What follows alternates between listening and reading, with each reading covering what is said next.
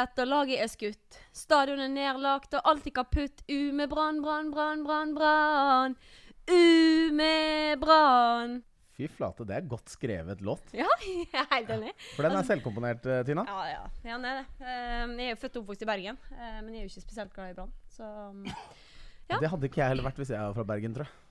Nei, det, det er noe med den, det laget der som gjør at uh, Ja, at den låta der kom den, den kom rett fra hjertet, rett og slett. Og grunnen til at vi da starter med dette nå, er jo at vi skal møte Brann uh, i neste serierunde, som er på søndag. Ja, I en toppkamp, rett og slett. Toppkamp. Det er deilig å spille toppkamper. Uh, kanskje vi skal eh, høre med vår eh, gjest i, i sofaen motsatt her. Hvor ofte er det du føler eh, at Vålerenga spiller toppkamper, Gjermund? Ja, det har ikke vært så fryktelig ofte opp gjennom åra, men eh, nå føler jeg faktisk at, at vi skal spille toppkamp, altså. Vi gjør det. Det er deilig. Ja, fantastisk. Det er herlig. Altså, vi må, vi må presentere deg ordentlig. Altså, vårt publikum, altså alle som eh, har med Vålerenga å gjøre, eh, må jo vite hvem du er. For du har jo vært her lengst av alle som er i denne klubben nå. Ditt 20. år, er det riktig? Det stemmer, det. Som keepertrener i uh, Vålerenga. Stemmer også. Hvordan har, eh, hvordan har livet vært i denne klubben? Det er stor utvikling fra brakka i 99 og fram til der du sitter eh, akkurat nå. Ja, det, det er stor utvikling. Og eh, det, å, det å være trener eller være i Vålerenga, det kan, kan ikke sammenlignes med noen verdens ting. Hvis vi tenker på tilbake når jeg begynte i 99, så jeg, jeg tror ikke jeg har hatt mer enn to-tre år hvor, liksom, hvor du kan sitte og slappe av litt på benken. og At du ligger sånn fint eh, fra sjuende- og åttendeplass og ned til ja, niende. Enten så har vi vært i toppen, eller så har vi vært i bånn. Og vi har stort sett sittet med hjertet i hersen hver eneste sesong. Så ja, det, det skjer litt. Hvordan går det med helsa, liksom? Nei, eh, helsa går det for så vidt bra med, men eh, eh, jeg har hatt eh, kamper og tider i Vålerenga hvor nesten trodde jeg skulle dø, altså. Vi har jo hatt Anita Aleksandersen i, i studio her, og du og hun eh, har jo hatt en del møter inne i garderoben i løpet av kampen. For dere klarer rett og slett ikke å se når det begynner å nærme seg slutt, og at det blir litt sånn Ja, det, det er skummelt å sitte på, på benken. Ja, nei, vi har hatt, eh, vi har hatt noen av sånne stevnemøter eh, når det har blåst som verst, og vi har ligget mest kritisk an i forhold til å eventuelt rykke ned. Mm. Og da er det godt å se ei som er like nervøs som meg, som jeg kan sitte og trøste meg litt med. Men eh, det har bedra seg, det òg. Så jeg er ikke så mye Nei, nå, nå, nå sovner du heller. Eh, tweeten til Bojan. Nei, I en, eh, en Derby-kamp mot Lillestrøm, og stillinga er kanskje 0-0, og det er ikke så lenge igjen av kampen. Og ja. Ja, nei, jeg duppa jo en tre-fire sekunder, det. Nei da. Når sant skal sies, så sitter jeg og skriver på benken. Og så er jeg litt slapp i øyelokka enkelte ganger. Men, men som sagt, jeg sov ikke, altså. Jeg satt og skrev. Ja. Men det så ikke bra ut, skal jeg være helt ærlig. Det er veldig artig bilde. For dem som eh, ikke har sett det ennå, så vær dere trygge. Dere skal få se det etterpå. Ja, det er et helt eh, nydelig bilde, det må jeg bare si. Du, Gjermund, altså, de som hører eh, sånn veldig eh, tett på dialekten din, den, de vil jo påstå at du er en bonde. Ja, jeg, bonde og bonde er iallfall ikke fra tjukkeste Oslo, det er helt klart. Det er du Eller ikke. Vestre-Oslo er egentlig Jeg er født og oppvokst på Kongsvinger. Og har bodd eh, halve livet mitt nesten på Elverum. Og så har jeg bodd lenge på Gjøvik, så ja, jeg kan vel kanskje si at jeg er bonde. Du har pendla litt. Ja, jeg har pendla litt, for å si det sånn. Jeg husker når jeg, eh, når jeg begynte, så hadde jeg vært trener, jeg hadde pendla masse. Og så ble jeg trener oppe i Elverum. Så husker jeg sa til Aline, kona mi, at eh, nå skal jeg slutte å kjøre bil. Nå har jeg trent til Elverum. Det, det orker jeg ikke lenger. Og så ringte jo da Lars Kjernås og spurte om jeg kunne tenke meg å bli keepertrener i Vålerenga. Og så tenkte jeg at det, ja, det er vanskelig å si nei til et sånt tilbud, så jeg, eh, jeg vurderte det og sa at ja, jeg, jeg tar ett år, men det holder med ett år. Da, etter det så gir jeg meg. For jeg, jeg har kjørt så mye bil opp gjennom åra, så jeg orker ikke mer enn ett år. Men det ble litt der da, her. 20 år etterpå. Ja, ble litt Men du er jo glad i å kjøre bil. Jeg elsker å kjøre bil. Ja. Det er drømmen min. Og med hånda på hjertet, jeg har ikke stått opp én morgen og tenkt åh, nå må jeg kjøre bil igjen. Nei, det er ikke det. Nei, jeg gleder meg til å sette meg i bilen og kjøre. Ja, og du, du hører jo en del eh, lydbøker og sånn. Hva er det går i om dagen? Alt av krim. Alt av krim. Alt av krim. Ja. Nå om dagen går det i David Baldacci, faktisk. Såpass. ja. Du leser ikke, du hører. Nei, jeg hører. Ja, jeg skjønner at du ikke leser i bil, men sånn, sånn ellers òg. Jeg bare for Rønsen drev og skulle foreslå at jeg skulle låne deg en bok, sa han, men nei. eh, det gikk ikke. For at det leser gjør du ikke. Nei, nei, nei, jeg leser ikke. Ja, det, det tar jeg meg ikke tid til, rett og slett. Men du, bare din bakgrunn. Du, er jo, du sto jo også keeper før du ble keepertrener. Altså, det var jo keeper du skulle bli, og var jo veldig god keeper også. Men eh, hvordan eh, så, ble, så ble det vel en stygg skade der, ble det ikke, som gjorde at du måtte gi deg? Eller hvordan var akkurat den historien der? Jo, det, det, det var jo det. Jeg spilte i Skeid. I 86 var det vel. Og så fikk jeg et stygt beinbrudd som gjorde at jeg nærmest måtte legge opp som 21-åring. Jeg sto litt i annendivisjon etter det, men det ble aldri noe særlig dreis over det. Så da begynte jeg litt Jeg jobba jo i Elverum som hovedtrener i to eller tre sesonger, var det vel. Så jeg var jo egentlig aldri keepertrener før jeg kom til Vålerenga. Så det var jo Tore Krokstad som fikk meg hit. En gammel han, De fleste med, som holder med Vålerenga, kjenner jo Tore. Ja, Tore Krokstad var keeper her i en uh, årrekke, Ja. annet når vi vant uh, seriegull Nei, cupgull i 97, sto vel Mm, Krokstad. stemmer Ja. det. Ja.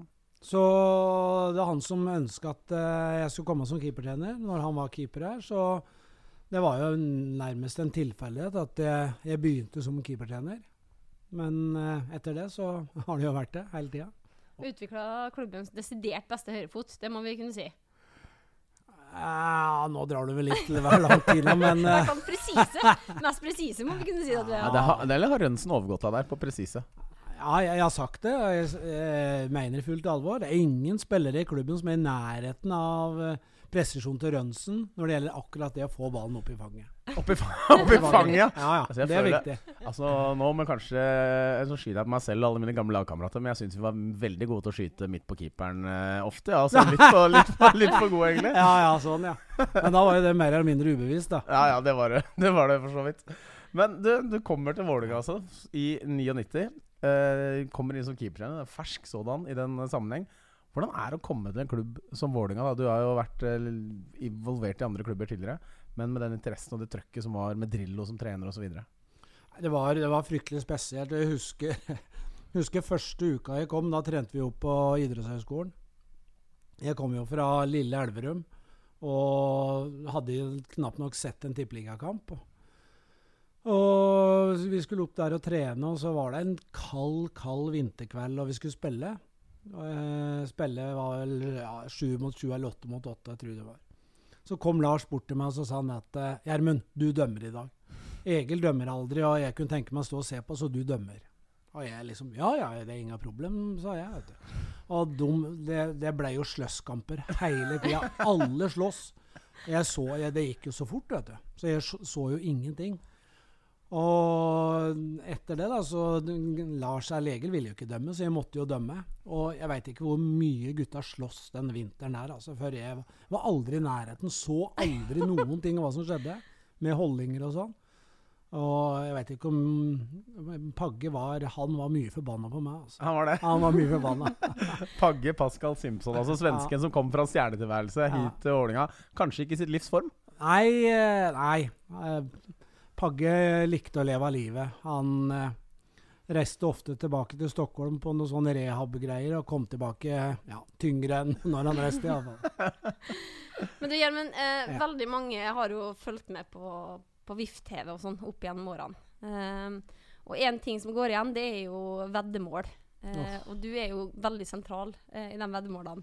Men eh, altså, nå, nå kjenner jeg ikke alle veddemålene som har vært opp igjennom, men har du vunnet noen? Ja, jeg vant. Uh, jeg har vunnet ett veddemål i løpet av 20 år. Det var uh, mot Lars Hirschfeldt i squash. Slo du Lars Hirschfeldt i squash? Ja. Uh, og det, det hadde alle gjort, for å si det sånn. For jeg husker vi sto og slo mot veggen der, og så, så var det en ball som jeg slo, og så plutselig så jeg Lars sto helt feil vei. Så han så ut imot eh, glasset. Han visste ikke hvor han skulle stå hen. Ja, det er veldig gøy. Og da slo jeg han faktisk, men etter det, eller både før og etter det, så har det blitt mye tap, altså. Hva som lå i potten da? Eh, på den, i det veddemålet? Eh, ja, det var, ikke, det, det var mye prestisje, selvfølgelig. Men den som vant, skulle bli servert eh, alle måltider på La Manga. Ja. Så det var, var godt veddemål, det. Altså. Hvis dette hadde vært liksom eh, fast eh, straff i disse veddemålene, så hadde jo du vært utdanna kelner. Eh, by now. Du kunne vært på kelner på de største restaurantene. Måte, for du, du har som regel en tendens til å tape. Ja, eh, ja, jeg har jo det. Jeg taper jo nesten hele tida. Og det, det dummeste av alt er at det er ikke reelle veddemål. Det er bare, jeg sier at det, ja, hvis de vinner der, så skal jeg gjøre det. Eller hvis, hvis vi treffer der, så skal jeg gjøre det. Så det, de som jeg vedder eller De har ikke noe å tape. Nei, de har ikke noe å tape. De har ingenting å tape. Eh, eh, Sier ikke det deg noe? Jo, det sier jo at jeg er ekstremt korttenkt og, og dum når jeg kommer med uttalelsene mine, men eh, jeg er litt sånn stor i kjeften enkelte ganger, da. Men det veddemålet med, med Kjetil om, om løpinga der, der du da ender opp med å måtte skinne det, uh, hva tenkte du da? Nei, det, det ja, eh, først, Det var jo første løpeturen som Kjetil For da skulle jeg begynne å trene litt. Da, så vi skulle løpe sammen første gangen. På mølla inne. Og jeg løper fra Kjetil. Og jeg er jo ekstremt utrent når det gjelder kondisjon. Og vi plotta vel inn på 3-4-35 minutter på en 5 km. Og Kjetil klarte nesten ikke å løpe. Han måtte gå og puste og pause ved sida av meg der. Så satt vi i, i og så og så ble det snakk om liksom tider og sånn, da. Så sa Kjetil at ja, jeg skal under 23 minutter. Og vi holdt jo på å le oss kav i hjel, hele gjengen. Og da sa jeg at hvis du kommer under 23 minutter, så da skal jeg ta håret. Det, for det, det, det er ikke kjangs i verden at du klarer det. Ja, greit, det sa Kjetil, tok meg i hånda på det, ja. Og han viste jo en vanvittig stayerevne den perioden fram til han skulle løpe. Og så er det Jeg er ikke helt sikker på hvor troverdig den testen var, for da var jeg på landslagssamling. Å ja, så du var ikke til stede? Jeg var ikke til stede. Men Det er litt synd å måtte si det, da. Men jeg var til stede. Jeg filma det. Og den var faktisk eh, Det var reelt. Ja, jeg hører du sier det. Jeg hører du sier det. Hvis dere hadde sett øynene til eh, Gjermund akkurat nå, så hadde liksom ja, ja, så hadde måte munnen sa 'jeg hører du sier det', men eh, øynene sa 'ikke', og så et eller annet uh, fasan eh, bak der. Også. Men, eh, nei, men Og så har vi jo den der legendariske Jeg var det i Tyskland. Eh, når eh, Det inngår jo i dette veddemålet, så tror jeg også Paul Matris Inge Engebretsen inngår. Hvor dere måtte eh, ende opp med å synge karaoke, kan det stemme? Ja, det var uff, ja, det, Ja. det var vel sannsynligvis det mest pinlige etter den der kløppinga mi. ja. For Da satt vi, vi Vi hadde en frikveld, så vi kunne kose oss litt. Og vi satt på en sånn uh, irsk pub. Uh, en karaokebar. Og så satt vi der og prata litt. Og så plutselig så kom det inn en hel dommerpanel. Det var fem dommere som satt, og det skulle være ka- karaokekonkurranse. Å yes. På puben? På puben. Konge. Og den puben var jo helt smita full, og så ble det liksom snakk etter hvert at uh, kanskje vi skal synge, vi òg? Nei, ikke snakk om Pål gikk opp og sang Engebretsen, Matrisen. Og så var det snakk om Petter og meg. En av oss, er Petter Myhre. Petter Myhre, ja. Og en av oss skulle synge, og vi måtte da klumse hvem som skulle synge. Og jeg tapte klumsen. Og så sier jeg, at glem det, sier jeg. Jeg, jeg. jeg kan ikke synge. Og det, det, det er ikke snakk om. Jeg, jeg sitter et dommerpanel, og det sitter masse folk. Og så skal jeg opp og drite meg ut. Så sier Peter at du har to valg. Enten går du opp og synger, for du tapte. Eller så løper du naken rundt feltet i morgen, før treninga. Og for meg var, var, var, var det ikke et vanskelig valg i det hele tatt. Jeg tenkte jo det at det å løpe naken for rundt gutta, eller eh, rundt banen for gutta, det, det lever jeg godt med. Men det, det som var problemet, var jo at der var jo TV 2, og der var uh, VIF-TV. Og og skulle filme dette her. Og Petter Myhre var jo ja, smart eller dum, eller hva skal jeg si, for han sa til meg Gjermund, bare ha buksen ned på ankla, så løper du, så kan du dra det fortere opp igjen når du, når du kommer tilbake. Og jeg begynte å stivne jo etter 15 meter. Ja, for nå må man huske der ute at når man løper med bukser rundt ankla, så blir det sånn miniskritt. Ja. Så du løper jo vralta med sånne miniputtbein og skulle løpe da 350 meter, eller hva det er. Ja, det, det var en forferdelig opplevelse. Og, og, Og så tryna du. og så tryna jeg. Og den videoen er jo vi i besittelse av. Eh, Ja, stemmer det. ja, er det. Ja, stemmer det. Og den dukker opp igjen i mellomromhjelmen mellomrom, Gjermund. Ja. Kanskje den dukker opp nå også. Hvem vet? Hvem vet. Ja. Jeg husker iallfall vi hadde Vi hadde bronsefest, tror jeg, uh, i 2006. Ja. Og da Da satt vi Da hadde vi med meg Line.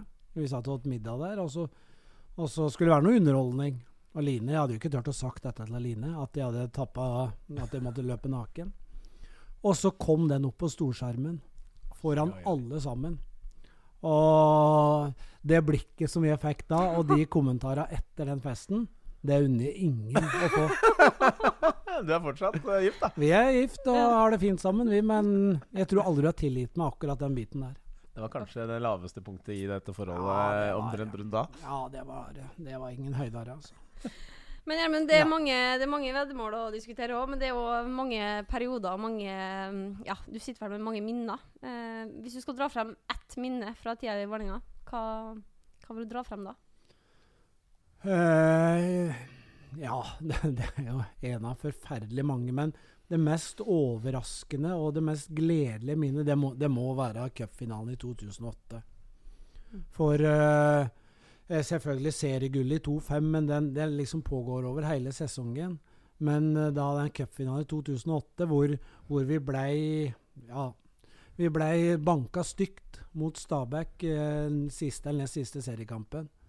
Og jeg husker når vi gikk ut eh, fra eh, spillemøtet på Hotell 33. Ja, for det var der vi holdt til på det tidspunktet. Det Var det vi holdt til, ja. ja. Jan Erik Kolbe og jeg gikk ut, og så sa Jan Erik Ja, Gjermund, har vi sjanse i dag, eller? Ja, Aldri i verden, sa jeg. Vi kommer til å tape minimum 3-0. Jeg, jeg, jeg kunne ikke skjønne hvordan vi skulle klare å slå Stabæk etter å ha møtt dem da tidligere. Og da den gleden og den overraskelsen den kampen der, det er en av de største minnene jeg har. Ja, fordi eh, fra 2-6, da, også i løpet av to-tre uker, eh, hvor Stabæk heldigvis hadde feira både 6-2-seieren sin og seriegullet ganske Mm. heftig, tror jeg, så ble jo den kampen med Moa og Daniel Ja. i spissen på topp der eh, altså helt utrolig. Ja, det er helt, ja, det det er helt utrolig. Uh, en av de mest Jeg har jo mange minner, men uh, faktisk talt i 2003, når vi spilte kvalikkamp mot Sandefjord Av alle steller i verden så satt de da på Old Trafford og så Manchester United. Oi. Og det var, det var spesielt, for Simen, sønnen min, han var på den tida der uh, United-fan. Og det var ikke så gøy for deg, for du er jo ganske ihuga supporter av en av rivalene til United, om man kan si det sånn. Ja, det, det kan man trygt si. Ja. Men eh, han skulle få en uh, bursdagspresang, så jeg spurte Kjetil tidligere, tidligere på sommeren om jeg kunne reise da, for det var ingen av oss som trodde vi skulle havne i kvalik. Og Kjetil sa etter hvert at ja, reis. Så vi reiste, reiste over, jeg og en par eh, andre kamerater med unga, mens kvaliken gikk. Og jeg satt da på et hotell i Manchester etter å ha brukt flere hundre pund i suvelirsjappa til United. Det viser hvor uh, Hvor glad du er i sønnen din. Ja, hvor glad jeg er i sønnen min. Ja. Men iallfall så satt vi på hotellet, og førsteomgangen gikk jo, og det så ikke veldig lovende ut. Så, så sa jeg til de to kameratene at jeg orker ikke mer. Jeg klarer ikke å sitte og høre på dette her mer. Så på hotellet der var det ei badstue. Den var iskald. Så jeg gikk oppå der og satte meg i den badstua og satt og fraus i 45 minutter og holdt på å dø. Jeg, jeg var døden nær. Jeg tenkte da at eh, når jeg kommer tilbake nå, så ser jeg på ansiktsuttrykka til de, de gubba hvordan det går. Og Jeg husker når jeg kom ned etter da de 45 minutta og så rundt hjørnet, og så så jeg de satt med en øl hver og jubla og skreik. Oh, oh, ja. Den følelsen der Altså, det var helt ja, vanvittig Mm. deilig. Jeg husker jeg grein. Jeg grein og grein og grein. For det, det, var, no, det var en lettelse uten like, altså. Vi hadde jo opplevd eh, nedrykk i, i 2000. 2000 der, Mm. på kvalikkamp, og for jeg hadde følt hvordan det var. Så det var en deilig følelse. Ja, fy flate. Det var, det var helt utrolig. Men eh, som du, du var inne på akkurat nå, 2000. Eh, du, altså, du kom jo under Drillo, så forsvant jo Drillo og Lars Kjernås til Wimbledon. Mm. Og inn kom da først Løberg en liten periode, var det det? Og så eh, Nordli. Det var kanskje den For her har jo treneren holdt på ganske lenge i ettertid, etter at Rekdal begynte, og så lille unntaket med Petter og der, og så kom Martin, og så kom Ronny og Det er, det er trenere som har vært der over lengre tid, da. Mens akkurat i perioden der så var det ganske mye skifter på trenere. Hvordan var det turbulent her eh, sånn på slutten av 90-tallet og begynnelsen av 2000-tallet? Ja, det, det var jo det, for uh, Som du sier, så var jo, kom jo, var jo Egil når jeg kom, og så når han da fikk det tilbudet, så kom jo eh, Knut Arild, og så kom jo faktisk at Even Pellerud inn på Ja, slutten av den sesongen. Så det var fryktelig mye trenerskifter der, og Even var jo viktig for at vi skulle klare oss den sesongen, eller eh, klare å unngå nedrykket. Så det var turbulent, det var jo det. Sånn sett så var det jo eh, litt godt når Tom kom inn, for da regner vi med at det da ville få litt kontinuitet i det. Men det ble jo ikke det heller. Nei, Det ble jo et år, det. Hva var det som gikk galt da? For da var det jo ganske sånn Folk trodde Tom hadde hatt suksess, ikke sant? Og de trodde at dette her nå skulle det svinge litt av Vålerenga igjen. Hva som gikk galt i 2000? Ja, nei, det er vanskelig å si nå. Jeg husker ikke hva som egentlig gikk galt i eh, den sesongen der, men uh, vi sleit hele sesongen, og vi kom oss liksom aldri opp av den gjørma der. Og når vi da taper den kvaliken, så er jo det sier jo det det mesteparten om sesongen, egentlig. Det var helt forferdelig. Ja, det, Man hadde jo vært der i cupen og spilt mot uh, Sogndal det samme året. Da Sogndal lå jo i divisjonen under og har vunnet 7-0, var det riktig? Ja, og så altså. kom disse kvalikene. Virka som uh, nervene ble ganske eh, store. Ja, det ble jo det. Og når vi da klarte uavgjort borte første runden, så Vi tok ikke lett på det, men vi trodde vel at dette her skulle ordne seg rimelig greit. Så fikk vi en forferdelig bane å spille på, den siste kampen på Ullevål der. Som gjorde at det ble litt sånn bingo tilfeldigheter, og da, da gikk det galt, da. Hvordan var liksom dialogen i Det er sikkert ikke så lett å huske, men hva var det dere tenkte, du og Tom Nordli og hele apparatet rundt der? Dere skulle gå inn i den eh, kampen der. Hva var liksom Hva var tanken? Skulle man om dette her kom til å ordne seg, som du sier nå, eller hva var, eh, Nei, vi, nei, det var ikke noe sånn eh, På ingen måte noe undervurdering før de to kampene, det etter det jeg kan huske. Selvfølgelig. Det sitter litt sånn ubevisst i bakhuet at du har knust dem litt tidligere på sesongen. Eller i sesongen der, men, men likevel så, så var det ikke noe, ikke noe undervurdering. Men eh, som sagt, da etter en god første kamp, og skulle på en måte klare å dra dette i land hjemme, så, så skjer jo ikke det. Det var Vi hadde jo nok sjanser da òg, men uflaks, udyktighet, gjorde jo at det, det gikk galt. Og så er det bare etablert, da. Vi rykker ned. Eh, Det er jo eh, førstedivisjon som venter, og husker Mandalskameratene og varen er levert, var det det Spetalen sa. Mm. Eh, Hva, hva skjer da neste to månedene før, før Tom Nordli da forsvinner ut av klubben? Det, det, det, det står helt på huet. Hvem fortsetter? Hvilke spillere fortsetter? Er det økonomi til å fortsette satsinga? Hvilke trenere? Så det var så usikkert den perioden der, så eh, Det var bare å ta det fra dag til dag. Og jeg var jo helt sikker på at eh, satsinga ville utebli, og det blei med det året Eller de to åra der, da. Men så klarte de å stable økonomien sånn delvis på beina igjen. Og Kjetil tok jo over, og det ble jo en ny satsing. Og da fikk jo gull- cupgullet Ganske året- snart Ja, etter. ganske snart, ja. Men den sesongen i førstedivisjon, den var, den var tung, altså. For du har press, du må vinne hver eneste helg. Du liksom, du, du, du husker jo det. Ja, det var min første år Ja. eh, her, det. Så det var gøy fordi vi vant jo som regel, da. Ja da. Eh, selv om det ble ganske var det Strømskose som havna rett bak oss. Ikke så veldig langt bak på tabellen, iallfall, men det var aldri veldig trygt ned til den, eh, til den kvalikplassen. Ja. da Så, så hadde jo, jeg følte vi hadde sånn i kontroll. Ja da. Det, vi, vi hadde jo i utgangspunktet det, men Men du veit, vi starta vi starta borte mot Raufoss, kan det stemme? ja. Og det var altså en knallhard bane med snø rundt Ja. eh, oppå der. Og da fikk du, du fikk liksom i den grad man kaller det varen, levert Ja. sånn midt i trynet med en Mm. gang. Altså Vi var vant til å spille på Ullevål, eh, og så endte vi opp der. Ja, ja, ja. Det var, det var hverdagen, altså. Det var hverdagen for det året der. Men jeg syns vi mestra det bra. Vi, vi var fryktelig profesjonelle. Du har jo hatt ansvar for en haug av keepere opp igjennom. Fra Tore Krokstad, som vi var inne på. Han var han fortsatt der i 99, var han ikke det? Tore var det 99, men dobbel prolaps i ryggen gjorde at han ikke kunne spille noe. Og da kom det inn en del nye keepere. Altså, vi har snakka om den 2000-kvalikkampen. Mikko Kavén er vel mest kjent i Vålerenga for den siste opptredenen i den. Men de keeperne du har rådd over, da, hva kan du si om de? Det har vært uh, mye bra keepere opp igjennom. Ja, det har vært mye bra. Vi har vært såpass heldige så vi har fått uh, valgt keepere på veldig høy hylle. Uh, og de har, de har vært solide hele gjengen. Vi Eh, fra 2000 til 2009 eh, så slapp jo Vålerenga inn nest minst mål i Tippeligaen i snitt. Så, og det ikke bare takket være keepere, men keepere var en medvirkende faktor til det. Så sånn sett så har vi vært heldige, syns jeg. Og nå sier du at uh, nå har du det beste keeperteamet du har hatt uh, på ja, i løpet av alle de årene, eller? Ja, det, det, er det beste nå. Eh, mest komplette med Adam med masse erfaring. Eh, Markus eh, som eh, litt sånn coming man.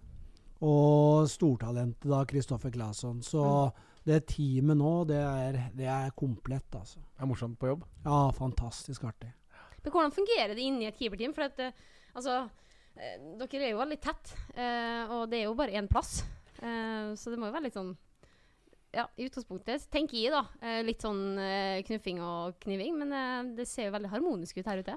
Ja da, det, det er harmonisk. Og som jeg, som jeg, alltid har sagt, så er det, det er alltid andrekeeperen som legger føringa for miljøet i et keeperteam. Mm. Førstekeeperen er alltid fornøyd, for han får stå. Mens tredjekeeperen er som oftest ung og glad for at han får være med. Så er det da hvordan andrekeeperen takler det å sitte på benken. Og hos oss nå så har vi en fantastisk person i Markus Sandberg, mm.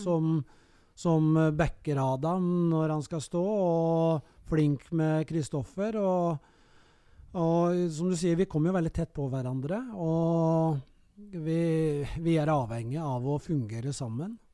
Mm. Hva er det du gjør da med en annen hva, hva, hvordan, hva, slags kommunikasjon har du med en annen keeper? Eh, jeg må jo hele tida sørge for at han føler seg sett. Slik at, eh, at han ikke blir gående der og føler seg neglisjert. For det, det, det, det, er ikke tvil om at det der er kjempeutfordring. Det å sitte på benken og, og vite det at det stort sett så er det skader som gjør at du kommer innpå. Mm. Og da, da, da, må du hele tida sørge for at han er motivert til å trene og til å Og selvfølgelig stille krav til at uh, han er profesjonell, og han må backe opp den som står. Og han må gjøre jobben sin, for plutselig en dag så får han sjansen. Og da, da må han være forberedt. Hvordan er liksom dialogen mellom deg og hovedtrener, da, eh, og for så vidt også assistenttrenerne, på, på keeperplassen? Hvem som står? Er det, er det, du som avgjør hvem som står, eller er det Ronny? Ronny avgjør hvem som står. Og det, det, sånn må det være. Eh, hovedtreneren må bestemme hvem som skal stå, men selvfølgelig så så kommer jo jeg med mine meninger og eventuelt anbefalinger hvis det skal være tvil om hvem som skal stå. Mm. Men uh, det, det, det, er klokkeklart at det må sjefen ta. Det, har det vært sånn alltid? Uh, ja, det, det, har det vært. Men uh, det har jo vært i mer eller mindre grad at hvor mye jeg har jeg skulle, å si, da. Jeg har å si. Og Eh, jeg har jo hatt perioder hvor det har vært litt tvil hvem som skal stå, og så har da trener sagt at ja, men det, det, det, styrer du. Du bestemmer det. Altså, vi har jo det vi har, vi har jo de 100 gangene kanskje som vi har sett uh, på benken til Vålinga Hvis en keeper f.eks. har eh, fått et tilbakespill og skutt den over sidelinja, eller et eller annet eh, hva som helst. Eller han har vært ute og bomma på et innlegg, eh, og så har han gått over, eller et eller annet hvor Kjetil Rekdal har snudd seg mot deg og sagt 'I alle dager, Gjermund, hva er det som skjer her?' uh, og det føles som det er liksom du som har eh, som, Har du følt det? Han har nesten sånn at du skulle stått der ute, for han kjefter på deg som om det skulle vært du som hadde gjort det. Ja, eh, både Reka og Martin Andresen var veldig glad i å, å, å, å si det. Eh, jeg husker en gang eh, på Brann stadion. Eh, Lars Hirschfeldt sto i mål, og så hadde han et litt dårlig utkast. Og jeg, jeg satt i trappa ved siden av reservebenken. Og Martin sto ute på sidelinja. Helt ute på sidelinja. Og Lars var litt uheldig med kastet. Og så snur Martin seg mot uh, innbytterbenken. 'Hvor er Gjermund? Hvor er Gjermund hen?' Og da satt de ved siden av, og så kom han, husker han kom løpende bort til meg og så skrek han 'Gjermund! Må jeg gjøre alt sjøl? Klarer du ikke å trene keepere engang?' Lynende forbanna på grunn av et feil utkast. Ja, ja, ja. Eh, Martin skal jo ha det, at når han eh, får eh, over 110 i puls, så blir han helt svart i øya. Martin var en del svart i øya. og når det gjaldt keepere. Og når det gjaldt keepere. ja. ja, ja. Men hvem er liksom Opp gjennom åra, da, da Si at du ikke har lov til å svare det i dag, da, for at det må, føler du kanskje at du er forplikta til å gjøre. Men hvem har vært eh, best keeper i, i Vålerenga gjennom tida di? Eh, det, det er vanskelig å si, for de, de har hatt så forskjellige styrker alle sammen. Eh, men det mest komplette når han var i form, det vil nok si Lars Hirschfeldt var. I 2010-2011-sesongen så var han fantastisk. Han var Men uh, igjen da så er det litt avhengig av liksom, hvilke styrker ser du etter hos en keeper. Lars ville ikke hatt sjanse i dag, sjøl om ja, om han hadde hatt 2-11-sesongen sin, så hadde han ikke hatt sjanse i dag, for han var for dårlig med beina. Men ut ifra sånn vi ønska å, å spille da, så var han helt fantastisk. Og en fantastisk fyr. Ja, ja, ja. Lars var eh, Han kunne vært standup-komiker eh, av yrke ved siden av fotballspilling. Og så er det veldig gøy. Husker du da Det var det året vi skulle spille mot Brann borte. Og eh, den eh, vulkanen på Island hadde utbrudd. Og vi ble askefast. Det vil si Ja, vi ja. kunne ikke fly til Bergen. Stemmer det. Så vi tok jo tog. Og det var veldig gøy når vi satt oss på toget til eh, Bergen, som jo er en hyggelig tur for så vidt, det. Så satt Lars Ischfeldt litt for seg selv på en sånn to- toseter eh, med hodeklokker. Eh, hvor han hadde da Han kan jo syv eller åtte språk, og akkurat dette tidspunktet så prøvde han å lære seg japansk. Så han satt sånn Nå skal jeg prøve etterligne japansk, sikkert med noen fordommer eh, underveis her, men det var veldig sånn Han satt sånn mens han strikka. Ja. Og det, altså, det ser du ikke mange fotballspillere som sitter og strikker uh, en lue. Han har strikka lue til meg, blant annet, og veldig mange av gutta på laget. Satt jo Lars og ordna luer. Ja, Lars var veldig spesiell sånn på en positiv måte. Så fin fyr. Du, eh, vi har jo en sånn eh, spalte som heter eh, altså, Spørsmål på Twitter. Ja. Eh, og vi har jo da sagt at du kommer som gjest i dag. Og en som har vært i klubben her tidligere, Lasse Wangstein, Ja, Lasse, han, ja. han har stilt et spørsmål. Eh, for at, eh, nå er vi inne på Lasse det Wangstein Han var da mediesjef i Vålerenga her tidligere. Ja. eh, Og så jobb, jobba i medieavdelingen før han ble sjef. Altså Han var her i veldig mange år. Ja. Veldig fin type. Ja. Hei, Lasse. Ja, hei, Lasse.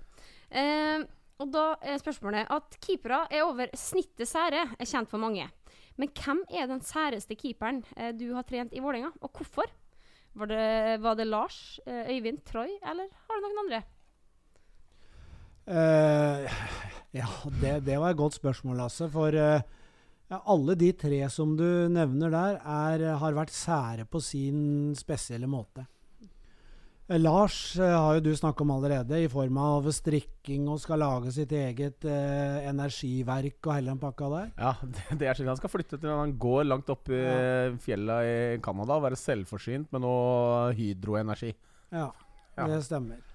Eh, Troy var òg en særing eh, i forhold til eh, det å, å være profesjonell sånn sett. Da. For jeg husker, jeg husker en gang hvor eh, Alex Rosén skulle inn og gjøre noe stunt med, med Det var under Martin, selvfølgelig. Og Vi sto og hadde keepertrening, og så plutselig kom Alex med filmcrewet sitt inn på bana. Og Troy klikka i vinkel, løp bort til Alex Rosén og ga han ei kjeftskur og kasta han ut av feltet. For eh, der skulle bare være folk som hadde Vålerenga-tøy på seg, og som trente fotball. Så han var veldig sær i forhold til å være nøyaktig på sånne ting. Der har jeg faktisk en til fordi, på Troy. Fordi eh, vi skifta da garderoben bort til Valhall, selvfølgelig. Eh, og så en dag så kom vi bare Da har ikke Troy vært her så lenge. Han har kanskje vært her i to måneder, eller tre måneder kanskje. Da var han fersk i klubben. Så kom han inn, og så bare Så kom alle på vei til trening, og så hang det bare en ny lapp på døra om at eh, det er ikke lov å gå inn med sko. Ja. Og det hadde han bare da, uavhengig av noen andre spillere, bestemt at det er ikke lov til å gå inn i garderoben med sko, så alle måtte ta av seg skoa. Alle bare Hæ? Det er helt uaktuelt. så vi måtte liksom En liten periode så var han så sur på oss at ikke vi tok av fotballskoa på utsida og gikk altså Det var bare sier han var, Men det var sånn profesjonalitet han skulle ha inn, da. Og det skjedde ikke. Nei. Vi gikk inn med sko. Nei, altså det, det har vært mange sære, og det er eh, De keeperne vi har i dag òg, har sine særheter, men de er mer folkelige sånn sett, da. Men du må fortelle litt om Pa Dembo Torayo. For de som ikke husker Pa Dembo, han var keeper her i Vålinga i var det 2003? 3, 2, kanskje? Ja, ja det, Altså, det er veldig, veldig lenge siden. Men han er da eh, fra Gambia. Eh, kom til oss fra Djurgården. Er to meter høy. eh, og kunne altså hive ballen fra 16-meteren over inn i den andre 16-meteren. Eh, og han var også veldig chill. Så hvis du, Han var sterkest av alle fotballspillere som har vært i Vålerenga. Men eh, hvis du kilte den, så ble han helt som et lite barn. Eh, han, var, han er en kul type. Pa Dembo var en, og en fantastisk type. Han var, eh, var blid og smilte og lo hele tida. Men det som var frustrerende for en overseriøs keepertrener, da, det var at du aldri visste hvor, hva slags profesjonalitet eller humør han kom i på treninga. Han kunne komme og være dønn seriøs, og dagen etterpå kunne bare tulle og fjase og le. og ikke bry seg om noe som hadde med keeperjobbing å gjøre. Så han var vanskelig sånn sett, men eh, for en fyr å gjøre. artig fyr å jobbe med. Ja, altså Han er humørspreder. Ja, ja, Han trenger noe sånt i Helt garderoben. nydelig. Definitivt. Ja. Men du, vi har fått et spørsmål til eh, fra en som heter Olav Svensrud. Eh, og han lurer på hvem av dagens Vålerenga-spiller hadde egnet seg minst til å være keeper. For det har jo så vært sånn at uh, utespillere måtte stå til i mål. Vi husker jo Aron Dønnum. Ja, du rekker opp hånda for det. Har du stått i mål? Ja, jeg, jeg skulle jo stå i mål. Altså, jeg hadde, spilte jo alle roller utenom keeper. Uh, ja. Så at jeg uh, faktisk trente som keeper. Jeg. På, når var avslutningstrening på slutten av, på slutten av det jeg spilte. Så med Lars Hirschfeldt, så når det var avslutningstrening på slutten, så trengte han litt avlastning. Da tok jeg på meg hansker, og så sto jeg. Så han liksom fikk fem skudd, jeg fikk fem skudd, og sånn. Eh, Så det var like før. Ja da, og vi har hatt eh, Jeg husker vi hadde knallhard konkurranse på når du var Ja, for det var flere som ville stå i mål. Det var, Daniel Fredheim ville gjerne stå i mål. han var for ung. Det hadde ikke Han hadde aldri fått de hanskene. Og etter at du ga deg, så hadde vi flere. Morten Berre eh, ville stå en periode, så jeg hadde noen sånne uttakstreninger. hvem som skulle. Men for å komme tilbake til spørsmålet, da. Så hvis jeg ser på dagens stall, så jeg kan aldri i verden tenke meg at eh, Chidera i uke kan stå i mål. Det, han virker for, på meg totalt hjelpeløs når han får på seg hansker. Men han er jo ganske sånn eh, eh, Altså, han er jo spretten og sånn. Ja, men uh, allikevel, da, gitt. Jeg tror jeg hadde snudd seg. da, Ja, han uh, tror jeg hadde snudd seg. Altså, jeg, når jeg var aktiv sjøl, jeg var livredd ballen. Ja. Altså, jeg, det, var sånn at jeg kvidde meg hver gang hvis de måtte opp i en hodeduell. Og det å stå i mål, det, da hadde vært Det hadde ikke gått til. Det var veldig gøy. Jeg husker da vi sto den gangen jeg og Lars sto i mål, og, vi, og da var det sånn skuddtrening da, hvor eh, spissen slo, slo opp til Kanskje var det deg da, som la igjen til spissen og skulle ta med et touch og skyte. Og så fikk Berre et veldig langt touch på, mot Lars Sheffield, som kom veldig nærme. Og da han var liksom til slutt endte opp med å skyte tre meter fra Lars, ikke sant og bare druser til alt han kan. Eh, og treffer da eh, Lars i leggen eller et eller annet sånt. Da husker jeg så godt Lars reiser seg opp og så bare Bare Do you use the driver from the ladies' tea? ja, det, var, det var en utrolig kul uh, kommentar. Og han kunne gå liksom sånn Han kommer gående bort til meg og så bare I hate my job. Ja, det er sant, det. Ja, Lars var fin, altså. Men en vi ikke har nevnt engang, som har vært en, eh, en uh, keeper i Vålinga i alle år, det er Øyvind Boltoff. En av de mest lojale keeperne, som veldig ofte hadde denne andre keeperrollen. Ja, Øyvind òg var en uh, fantastisk fin fyr å jobbe med. Aldri skada. Uh, trente hver eneste dag. Ga 100% hver eneste dag. Og uh, det var ei uke i året hvor det var tøft å, å jobbe med Øyvind. Det var den uka før, vi, før seriestart hvor vi to ut førstekeeperen. Da var han lynende forbanna og frustrert og irritert på meg og alt og alle, egentlig. Ja, med rette, selvfølgelig, for han ville stå. Men eh, når ting hadde roa seg litt, så var han tilbake igjen på jobb. Og eh, all ære til Øyvind for den jobben han har gjort i Vålerenga. Ja, fordi eh, Jeg tar jo ikke bare så var han en fyr som sto på ute på feltet, for han har jo alltid gjennomsyra Ja. liksom, Gjennomtrent og, og sånn, og proff. Men han, altså, han var en bra fyr og bidro i miljøet og, over lang tid. Han var Ja. det mange år. Eh, jeg tror nesten aldri jeg kunne ta Øyvind på dårlig holdning eller umotivert på ei trening eller noe som helst. Han ga alltid 100% og ja, som sagt gjorde en fantastisk jobb her i klubben. altså. Eh, Espen, eh, en som også er litt mer som frivillig her hos oss, han, han lurer på for at du, Vi var innom det i stad. Du heier på flere, flere lag enn bare Vålerenga. Liverpool er jo eh, et av de lagene du eh, virkelig brenner for. Ja. Eh, og spør på Hva er suksessraten din når du reiser til, Liverpool, eller reiser til England for å se ditt eh, favorittlag? Ja, den! Den er dårlig, altså. Jeg Har du sett dem vunnet én gang? Nei. Nei. Jeg har eh, reist til eh, Anfield sju ganger, og hver gang så har jeg sittet og plukka ut kamper. Blackburn, Sunderland, Stoke, de laga der som vi veit vi skal vinne mot hjemme. Eller bør vinne mot hjemme. I løpet av sju kamper så har jeg sett ei scoring og sju uavgjorte. Å, herregud. Så nei. Så jeg, jeg, jeg sliter nå med å reise til Anfield, for vi veit akkurat åssen det kommer til å gå.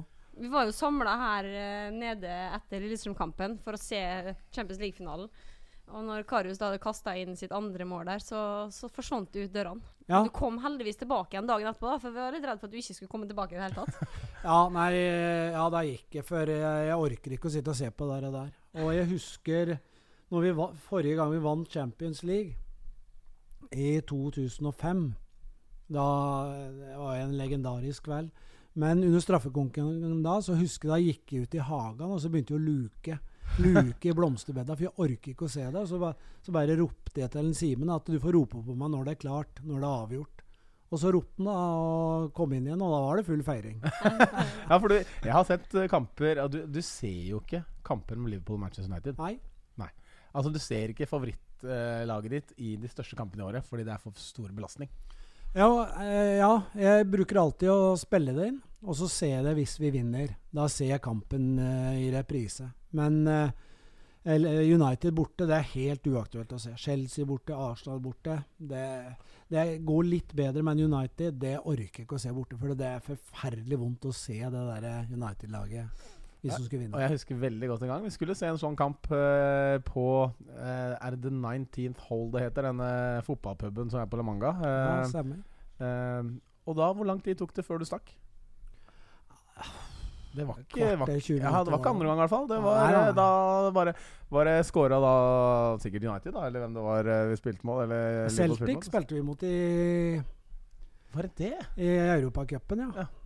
Så, Tom Henning Håvi og jeg reiste oss opp samla ute og sett på Helt hverandre. Reiste oss opp etter et kvarter og, og gikk tilbake til hotellet uten å si ett ord til hverandre. Bare gikk illsinte begge to. Er det verdt det? Ja, det kan jo alltid spekulere om det er verdt det, men eh, det er jo- det ålreit å ha den derre den interessen for det òg, da. Men det er jo vondt når, eh, når du taper. Men apropos eh, toppkamper og store kamper, da. Vi skal jo som nevnt eh, til Bergen til helga.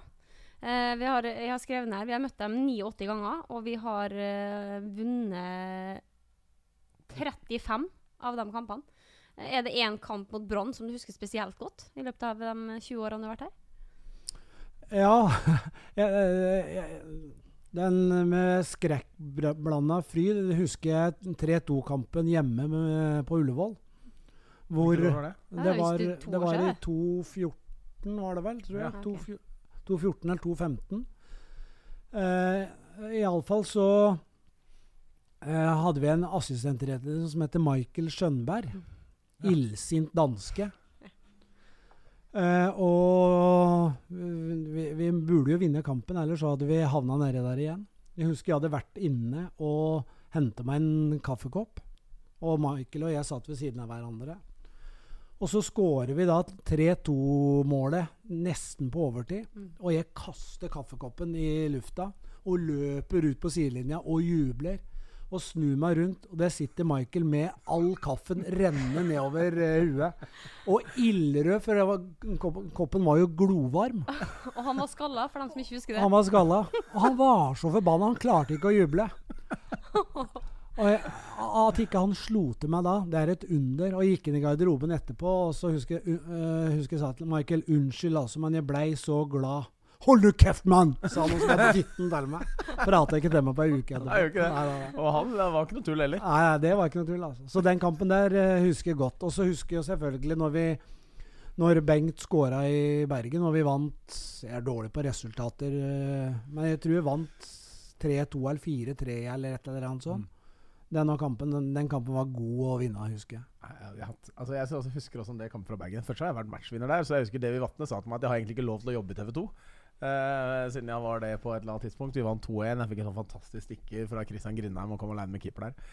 Uh, men uh, Og så husker jeg, er det 2002, uh, når vi vant 4-0 Jeg tror det var kanskje var på 16. mai òg. Det var helt smekkfullt. Og Pan, Ja, ja, den, ja. Tobias. Gran og alt. Stemmer. Og vi vant 4-0. De var ikke noe sånn outstanding lag på Vi hadde noen individualister da, så når de virkelig slo til, sånn som disse to nevnte gutta. Stian og som var helt outstanding i den kampen, Levernes. Eh, og så vant vi 4-0 i de der svarte draktene, og sola skinte Ja, i ja. Bergen. Og, nei, det var en helt nydelig opplevelse. Ja, når du sier det, så husker jeg den da. Ja, ja det, var, eh, det var utrolig gøy. Og så har vi hatt noen tunge, da, jeg skal bare si det. F.eks. i 2003 der, siste serierunde. Oh. Ja. Men det gikk bra. Det gikk bra til Ja, slutt. sant? Tenk om vi ikke hadde hatt den Sandefjord-kampen. Hadde vi ikke Ja. hatt noe å snakke om.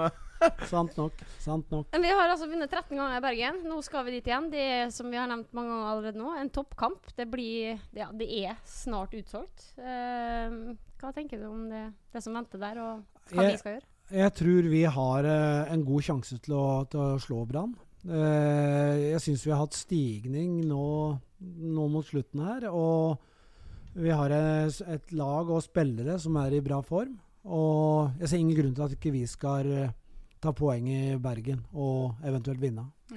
Du Fortell litt om eh, hvordan dynamikken er nå. Det er et ganske nytt team. Det var eh, Ronny kom inn for et halvannet år siden nå. Og, og så har det vært en del endringer i, i teamet rundt deg. Hvordan uh, syns du liksom, trenerapparatet og hele Det virker så utrolig proft og gjennomsyra og gjennomført, det som de gutta som jobber her nå. Ja, det, det er veldig profesjonelt. Og det, jeg syns det fungerer bra. Det er bra kjemi mellom, mellom trenere, eller støtteapparatet. Hvor du har eh, folk med kompetanse på sine områder. Med Luno, Håkon Lunov som veldig strukturert i planleggingsjobbinga. Så har du da Johannes, flink med spillere, flink det derre mellomleddet mellom spillergruppa og trenerapparatet. Og da Igor Aase, som er spillerutvikler og veldig flink med enkeltspillere. Så er det da Ronny på toppen, som, som syr det hele sammen. Så eh, det, det, fungerer veldig bra, altså. Veldig profesjonelt. Hvordan er liksom en sånn treningsuke da lagt opp? Fra du kommer hjem etter en kamp, da nå er det jo litt periode mellom kampene pga. landskampsuka. Men liksom, når du starter opp mandag og fram til kamp på søndag igjen, da, hvordan, liksom, hvordan er jobbuka for deg? Nei, det, det, det er jo Håkon setter jo opp noe som heter mikrosyklus, altså hvordan ei uke skal se ut. Eh, I grove trekk, som vi da får tilsendt. Og så går vi gjennom den og ser, ser om det er ting å tilføye eller å trekke fra. Og så har vi da et møte på tirsdag hvor vi spiker alt sammen. Og, og så er det da dagsplaner hvor vi sitter i møter. De andre de møter halv ni, jeg møter ni. Og så går vi da gjennom tre, dagsplan og treninga i detalj. Uh, hvor vi da kommer, Når vi da kommer på feltet, så er alt eh, planlagt til minste detalj. Så Ja, det, det Og her snakker vi altså hvor lenge hver eneste øvelse skal vare. Altså omtrent intensiteten det skal jobbes på. Hvor lenge hele økta skal være. Alt er jo veldig Ja, det, Gjennomført. ja, det er veldig gjennomført. Og delt inn i lag på de forskjellige, til de forskjellige øvelsene. Det er eh, med, eh, med den derre pulsbelt, eller hva det heter for noe. Slik at de ser hvor mye som er løpt. Ja, så det, nei, det fungerer veldig bra. Vi har jo vært inne, vi har hatt to kamera til og med på, på stadion her som eh, filmer hver eneste økt. Eh, Så hvis, man, ja, hvis det er en sekvens man har lyst til å se om igjen da, når man kommer inn, så kan man rett og slett bare sette på play og så Ja. se hele greia om igjen. Ja, det må si det systemet som har kommet nå, det virker jo veldig proft. Og det betyr at eh, når som helst kan bare sette på de to kameraene og ta opp det som foregår ute på banen. Så om det er Lilleputt-laget som trener en gang har lyst til å ha en liten videoanalyse etterpå, så kan de strengt tatt gjøre det, de også. Det er veldig kult. Ja, kjempetøft. Hva med deg som keepertrener? da? Hvor, hvor mye påvirkningskraft har keeperne selv på det de skal gjøre? Eller er det du som har et autoritært, stramt eh, regime? Nei, det, er ikke veldig autoritært. Men det det er delt opp i perioder av sesongen. Sånn som fra januar da til uh, seriestart, så er det jeg som styrer så å si alt. Hvor, uh, hvor jeg har temaer basert på hvordan forrige sesong har vært, hvis det er den samme keeper som skal stå. Eh, ting som har, kan bli bedre og forsterkes, eller eh, sterke sider som kan bli enda bedre. Men når da kampsesongen kommer, så, så blir mye prega av, eh, av kampa på søndagene. Og jeg bruker som regel å spørre eh, enten begge eller alle tre, eller eh, den som står, om det er noe spesielt f eh, hver økt. Om det er noe de ønsker. For det er klart en, keeper, eh, en keeperjobb den er basert veldig mye på følelser. Følelser og sjøltillit.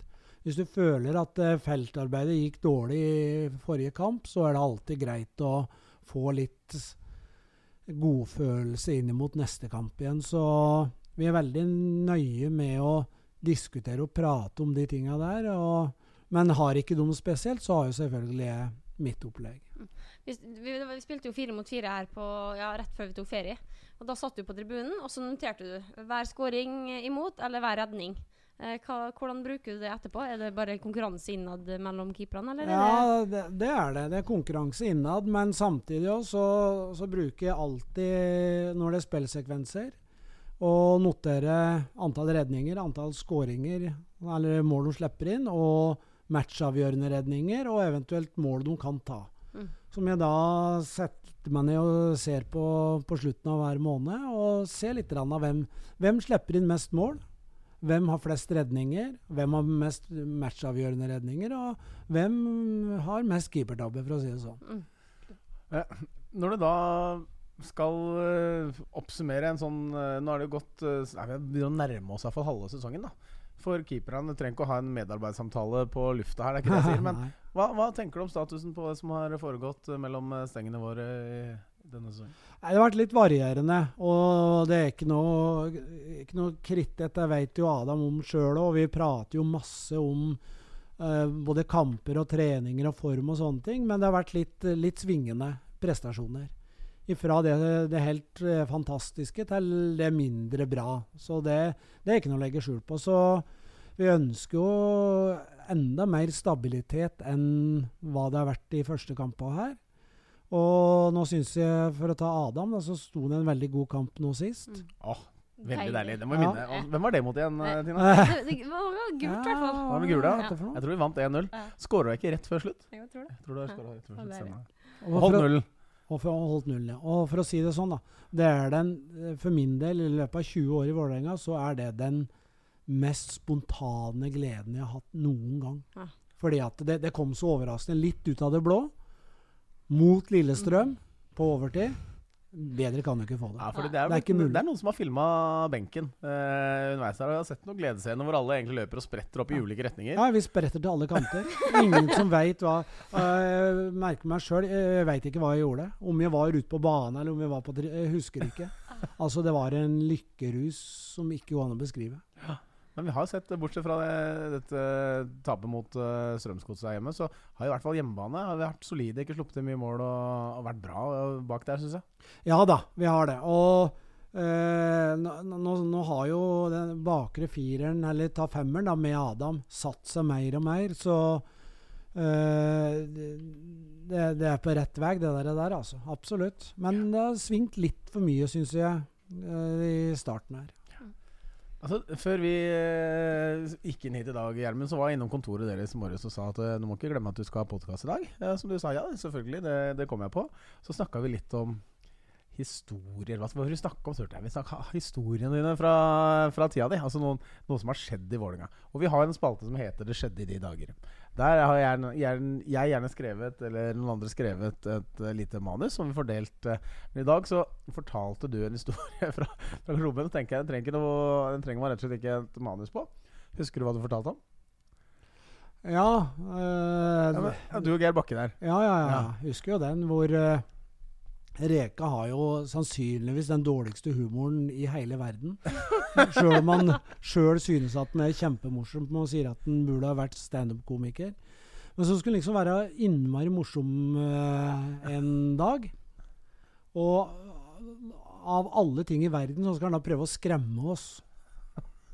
Og så møter vi da skal Ja, ja, vær så god. Så så møter vi da i garderoben. Eh, Geir og jeg. Kjetil kom jo da som regel etter oss. Vi var først inn i garderoben. Og så begynte klokka å nærme seg Vi trente halv ti på den tida der. Og så begynte klokka å nærme seg halv ti, og så sier Bakke til meg til Gjermund, kommer ikke Reka snart, eller? Nei, sa jeg. det Vi venter et minutt eller to til, så kommer vi snart. Og klokka blei halv ti, og, og vi begynte å liksom Vi visste ikke hva vi skulle gjøre på treninga. Og så sier Bakke at ja, men nå må vi jo ringe han. Ja, men han kommer, sa jeg. Han kommer. Ja, Så begynte vi å få litt panikk begge to. da, og ja, men det, han, han er ikke så sløv, så han glemmer tida. Så han kommer snart, sa Geir. Han må snart komme nå. Ja ja, nå, nå begynner det å nærme seg at vi må ringe, sa jeg. Så plutselig så hører vi bak sofaen en som ligger, sitter og kniser og fniser i sofaen. Og så hever han seg opp og begynner å skrike.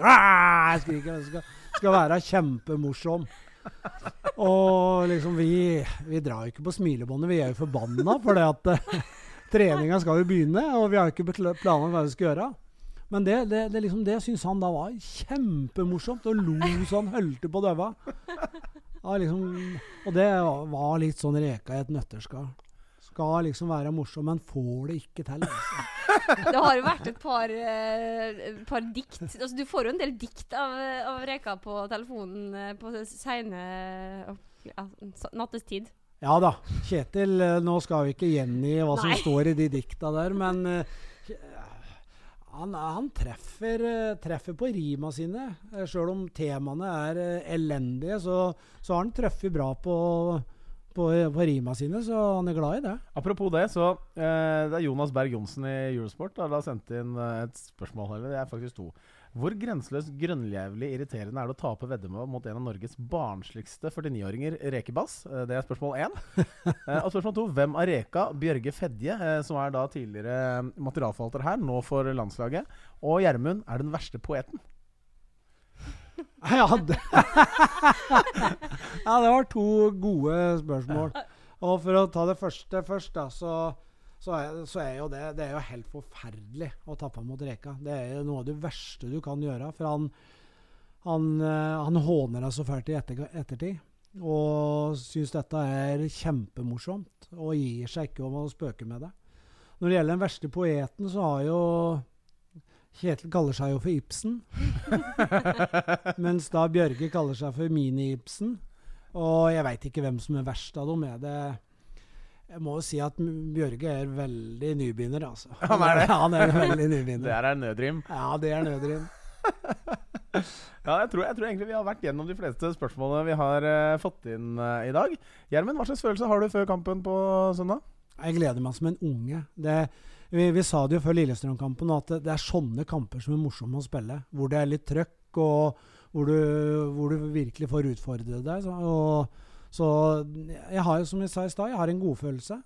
Virkelig. På at dette skal gå bra.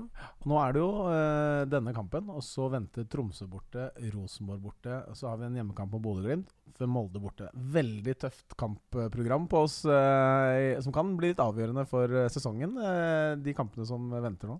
Ja da, det, det, vil jo stake ut mye av kursen for resten av sesongen. Og, og jeg elsker jo sånne kamper som, som, betyr litt, da. Og som, eh, hvor du virkelig får utfordre deg og testa deg litt. Så jeg gleder meg innmari til de neste kampene nå. Altså. Eh, og det må jo være deilig å dra med seg denne seieren mot Lillestrøm i en sånn viktig kamp med masse folk inn mot disse kampene som venter. Også vite at det gir selvtillit. da Kunne avgjøre på overtid. Ja, ja, det er klart det gjør det. Det er klart det. Og jeg ser jo på stemningen nå etter den Lillestrøm-kampen, så, så er jo den selvfølgelig veldig bra. Og gutta koser seg og trener bra, for all del. Så nei, vi gleder oss, vi nå, altså. Du, Gjermund. Tusen takk for at du kom og var med oss en, eh, en snau time her. Jeg vet at Tina har en spesiell avslutning eh, som venter på oss på, i denne dagens Enga på pod. Ja, det er det. For uh, vi, uh, vi har jo mange svært gode partnere i den klubben her. Eh, og vi har bedt våre partnere om å, si et par ting om seg sjøl. gjerne da enten på tribunen eller i en heis. Eller, ja. Men det her skal i hvert fall spilles inn på video. Eh, vår ferskeste partner, Grata Personal, de har da valgt eh, å skrive en limerick som de skal lese inn. Ja. Eh, og den har vi fått tilsendt, eh, for de spurte er, er det her bra nok. Og det må jeg jo bare si at det syns de at det er. Ja. Så tenkte jeg at jeg rett og slett skal bare avslutte podkasten med å lese den uh, limericken, eller det diktet som de har skrevet. da. Er firmaet ditt underbemanna? Vaktlister du ikke får landa. Da ringer du Grata, så skal vi få prata. Våre styrker er godt og blanda. Det er sikkert at vi kan levere kandidater, ja opptil flere. Vi finner den rette, en du kan verdsette. Rekruttering, det kan vi håndtere. Vi skiller oss ut, det er bra. Vårt mål er å gjøre deg glad. Vi er engasjerte når vi skal lete. Vi vet nok hva kunden vil ha. Du sparer på tid og energi. Når du roper, så kommer vi. Samarbeid er viktig, personen blir riktig, og dere får mye mer fri. Så ikke vent mye lenger. Her kan du få det du trenger. Ditt oppdrag vi løser, og ingen sløser. Du trenger ikke ha mye penger. Ha en god dag på jobb. Ja, dette var på nivå med høyere nivå enn både Bjørge og ja, ja, ja, Kan ikke sammenlignes. altså, poenget med, poenget med de uh, tingene som vi gjør med partene våre, er at de skal få si, eh, om, fortelle om seg sjøl. Eh, og her får de jo frem hvem eh, Grata-personal er, og ja. hva de gjør. Veldig bra. Veldig hyggelige folk. En uh, veldig god og ny partner ja. hos oss som da skal pryde shortsene våre i, i åra som kommer. Så det blir bra.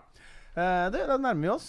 Vi, du har en veldig god følelse i Bergen. Det har jeg også. De har jo vært høyt oppe da eh, en periode.